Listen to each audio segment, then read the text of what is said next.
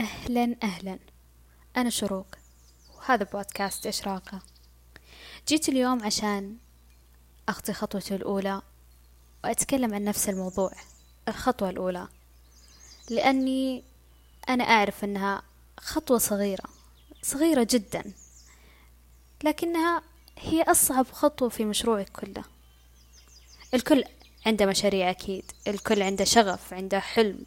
لكنه يستمتع أنه يكون مكبوت يستمتع أنه يكون حبيس بداخله وأنا منهم للأمانة.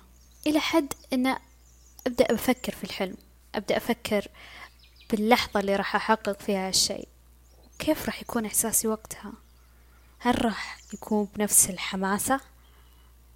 لكن نهاية اليوم أكتفي بأنه يكون حلم وأتمسك بمنطقة راحتي أكثر. ولما فكرت فيها قلت لو رغبتي بإني أبدأ شيء جديد شيء مختلف في حياتي. كل ما يحتاج ويتطلب الموضوع إني أخطي هالخطوة الصغيرة. والأمر ينطبق عليك أنت كذلك. ممكن تكون هي مجرد بداية لكن ممكن تكون هي بداية لمسيرة عظيمة مسيرة شخص ناجح. بس ليش أنا وأنت نستصعب الخطوة الأولى؟ ليش دائما هي أصعب خطوة. يمكن لأنه يدور عالمنا حول دائرة لا منتهية من المقارنات ويبدأ الفرد يشوف نفسه يا أكون في صف المتقدمين أو عمري لا أكون شيء.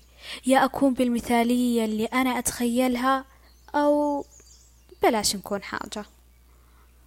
ويمكن هذا أهم سبب يمنعنا بأننا نخطو أهم خطوة. النجاحات كانت ممكن تتحقق.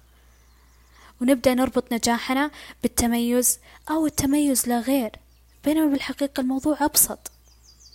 أبسط من كذا بكثير. ممكن لو قلت المثابرة الاستمرارية إنك تلاقي نفسك وشغفك في هالمجال. هي كل الشروط الحقيقية اللي تحتاجها. الأكيد إني ما أقلل من التميز. لكن أنت راح تتميز بمجرد ما تتطور. تفهم مجالك. تتعمق فيه أكثر. لأن التميز مو شيء يتحقق من العدم. هو شيء أنت تسعى له شيء يتحقق بإرادة صاحبه فقط. عشان كذا ابدأ اصنع خطوتك الأولى إذا كنت تسعى للتميز.